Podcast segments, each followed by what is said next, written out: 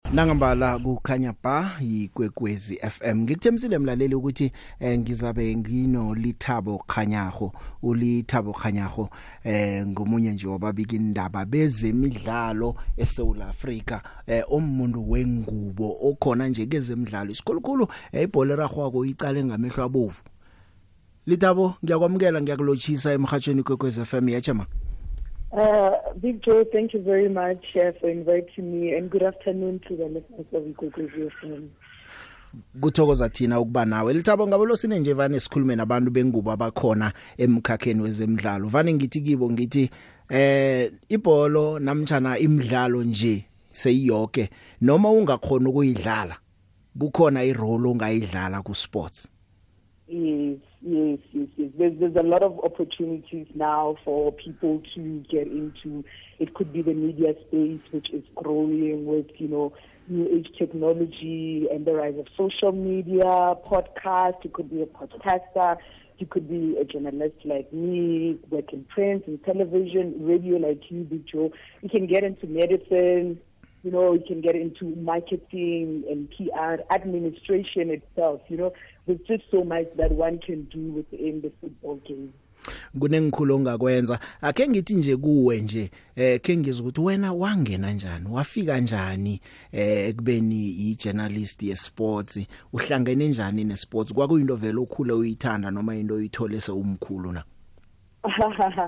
if you ask people that grew up with me they would laugh one of the laziest people nobody wanted me on their team for anything you know and mm. I wasn't really into sports, but I have always wanted to be a journalist. But, and I went to school to study journalism at the University of Limpopo. I had thought that, you know what, I'm going to do current news and whatever, but life turns out differently.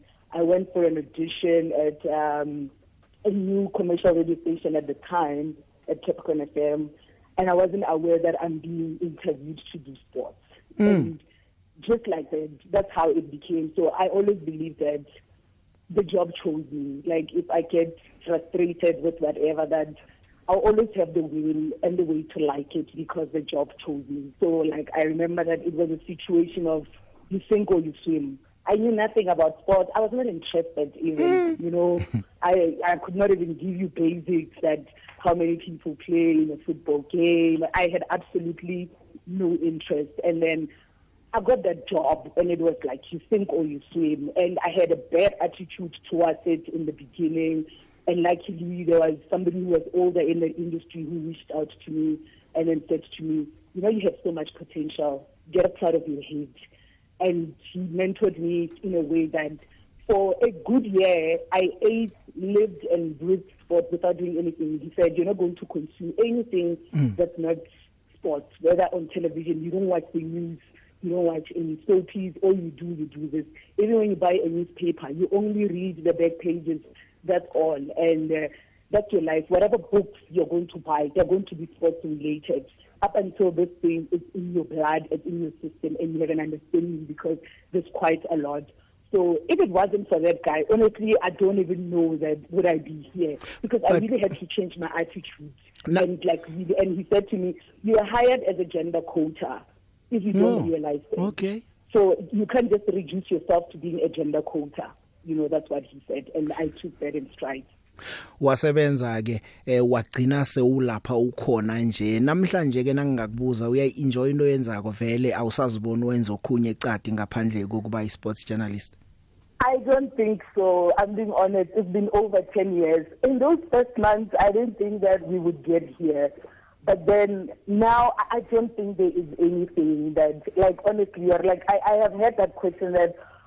would you do anything? And I'm like, if it's outside of sports, I do not think that I am I can be able to do it because there are things that it's not just a job; it's mm. a lifestyle. Mm. You mm. know, yes, it follows you. You follow it. it it's something that's built over over years. Like also things that happened in 2010 will always matter, even in 2022. You know, like it's just a library, you, you have got to become your own library because how many players, the places it has taken me to, you know. Um, last year, I found myself at the Kotafa Cup interviewing the General Secretary of FIFA, and I literally was shaking in my shoes that I could never have dreamed this. I, I could never. Just me one on one with Madame Samura, and I was just like, not even in my wildest dreams. The places it has taken me to, the people I have met, how it has changed my life, you know, that how you treat people because you have to remain, you know, with, with a lot of people. You have legends that you can reach out to. There's young people coming up. How you stay in the game, you know, also relates to you keeping up with trends. You can't just say, I'll never relate to an 18 year old. Mm. Because 18 year olds are now doing things differently. So then it means you're going to get left behind because the things that you learned in school in 2008, the curriculum has changed. and life has changed. With social media now, you know, people have access to things, to press conferences via YouTube. What are you going to do differently? How are you going to be creative? How do you stand out in this era that is solely highly competitive towards the media industry, almost threatening?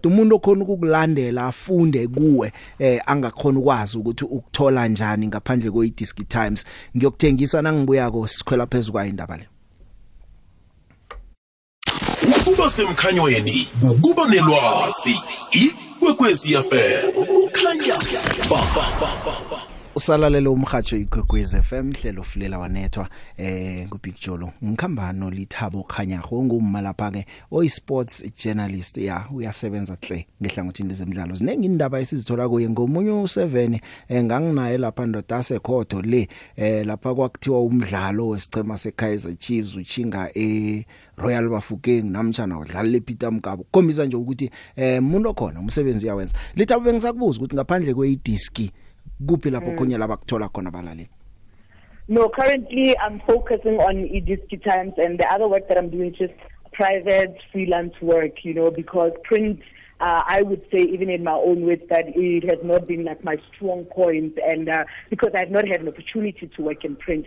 I've done radio for a very long time. I anchored uh, sports and sports shows on Top FM between 2009 and 2014 and then I joined SABC's um, Info Hub between 2014 and 2020, you know, just working behind the scenes producer, being an on-field reporter from you know, based in Limpopo province and whatever. So print was an area I have not done. I had done television work, you know, with uh, private clients, you know, for tournaments, you know, for football tournaments, international football tournaments. So when I got the opportunity last year to work in print, I said, because you don't know so much, you, actually you don't know nothing.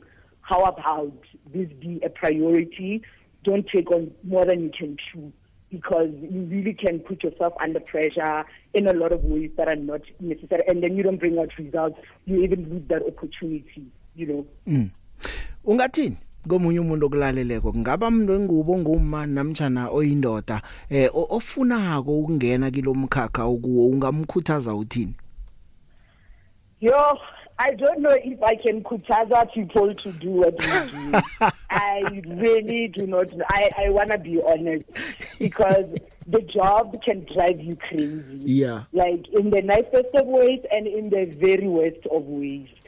So I, I do not know, but I believe that, you know what, go for what your heart wants or challenge yourself and do something new. And if this is the field, but have the heart for it because most of the time it is not one of the nicest things. You know what yeah. I mean? Like in terms of the pressure that it comes with, it takes you away from your family, Like I can count within a year how many times I have seen my family.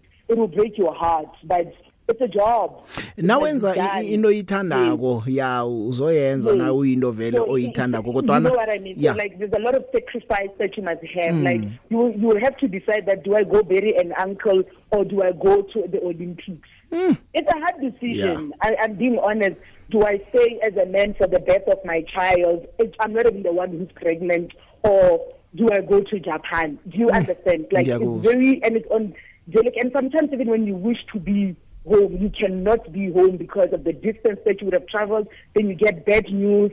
You know what I mean? And you have to pick yourself up because you are already there and a job needs to get done.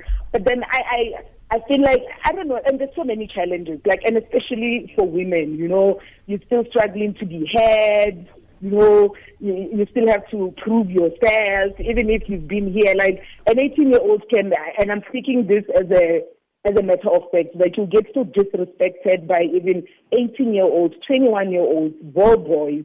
Like they really think that they can do the job you're doing and excellently. They want to be trolls. You mm. know hmm. what I mean? And mm. it's hmm. exhausting mm. for hmm. you to want to fight all of that. So honestly, from the bottom of my heart, that's what I'm saying. What the people do with that information, I don't know. I honestly cannot, from the bottom of my heart. The guys come to the media industry. Also, there's not a lot of money. People must know the truth.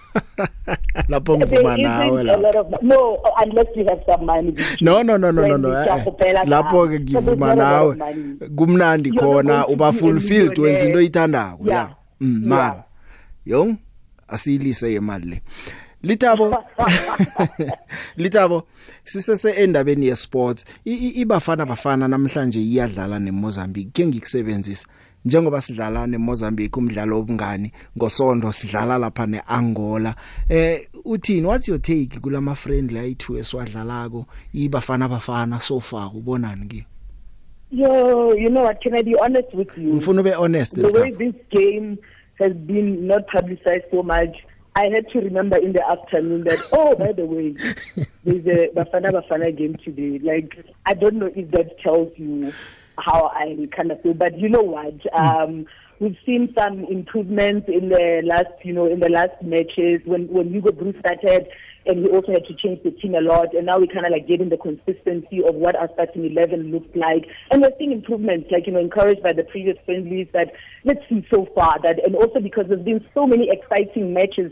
And in terms of competition, we would cite the MTN 8 round of semifinals, you know, uh, the competition with seen, you know, and there are a lot of players that have been raising their hands that have now gotten the nod. Let's see them, like, how do they look in green and gold? can they hold their own for when we actually have got to qualify for something.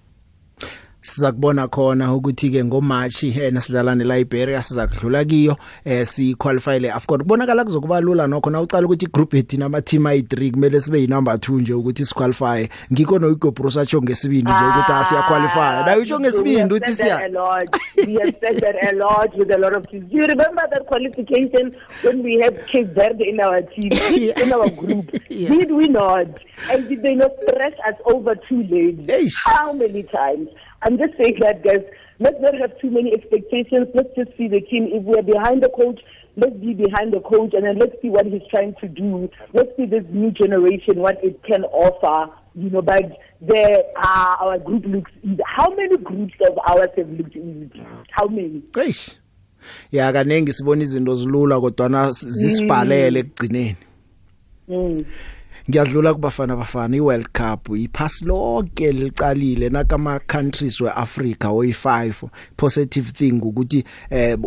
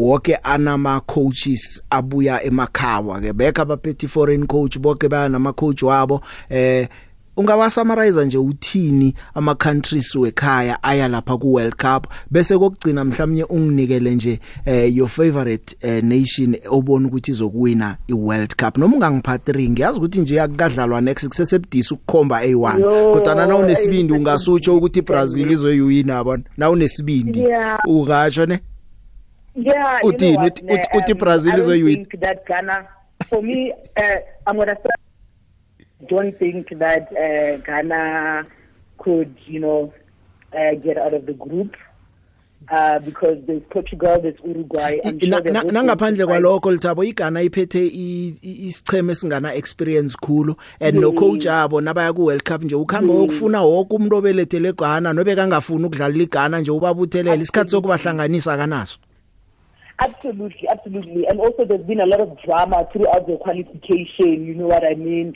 And players out being doubted, the AU brothers, you know what I mean? So there's been a lot of things that can affect that team. And you look at the guys that experienced it's the AU boys mm. and hmm. who else? I think it's three, four, five faces.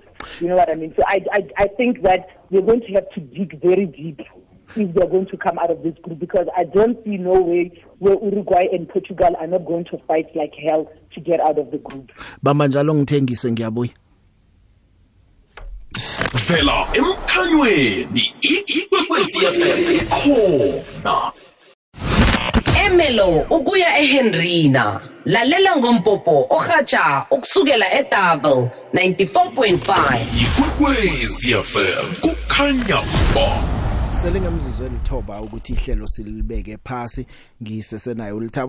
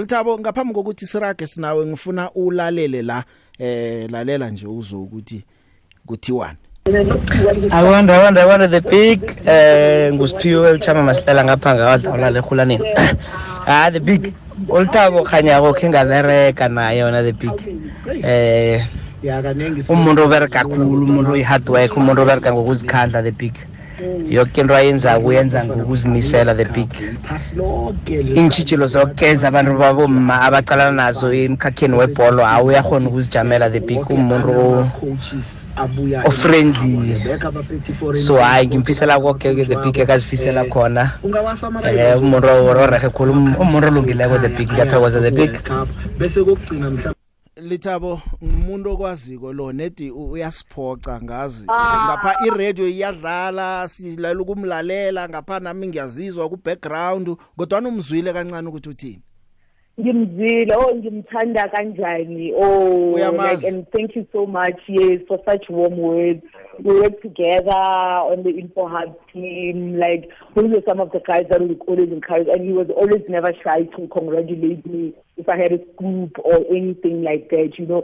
And also one of the people that are very supportive towards women, you know, in the industry, who doesn't just sit back when things happen.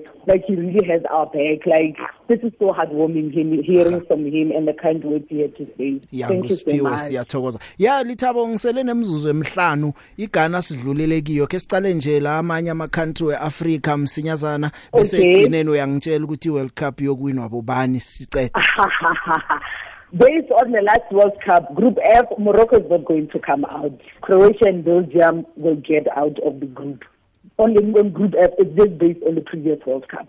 And then in Group B, I'm expecting uh, not Group B. Oh my gosh, why am I? I wanted the Group uh, Group A where Senegal yeah. is in. I feel they have a chance. I do feel they have a chance to get out. Qatar, Ecuador, the, and Netherlands. Yeah. yeah.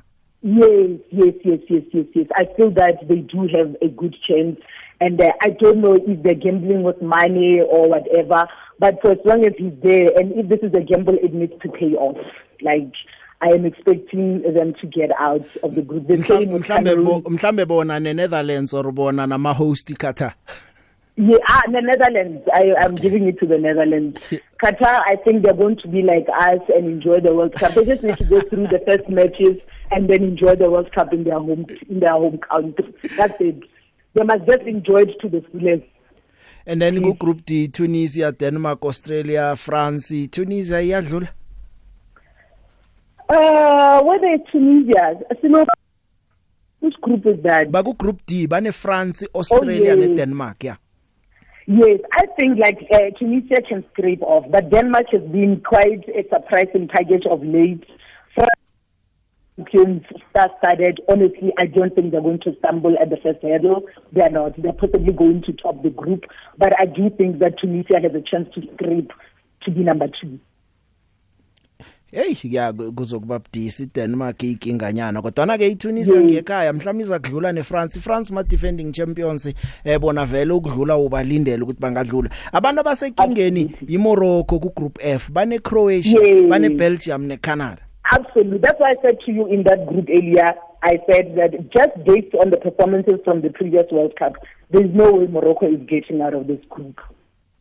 Cameroon, ine Brazil, ine Serbia, ine Switzerland.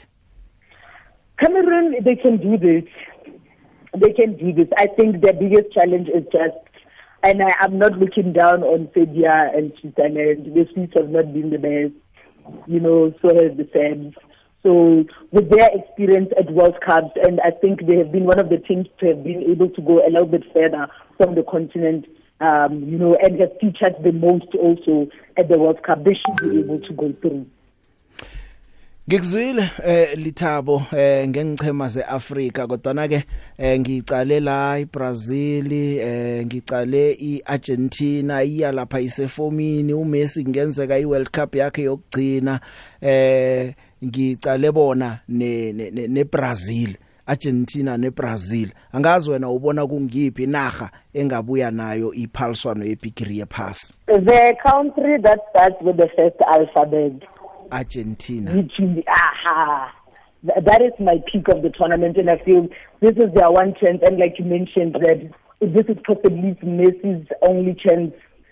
at a World Cup and I feel like the team will want to play for him because he's done so much you know, for his team. He's been able to push them through and literally pull them to a lot of finals. So I think this one, there's going to be a lot of sentimentals attached to it. The first World Cup without a Maradona, you know, not even as the biggest supporter. You know, by now he would have been all over the news telling people he's going to go run naked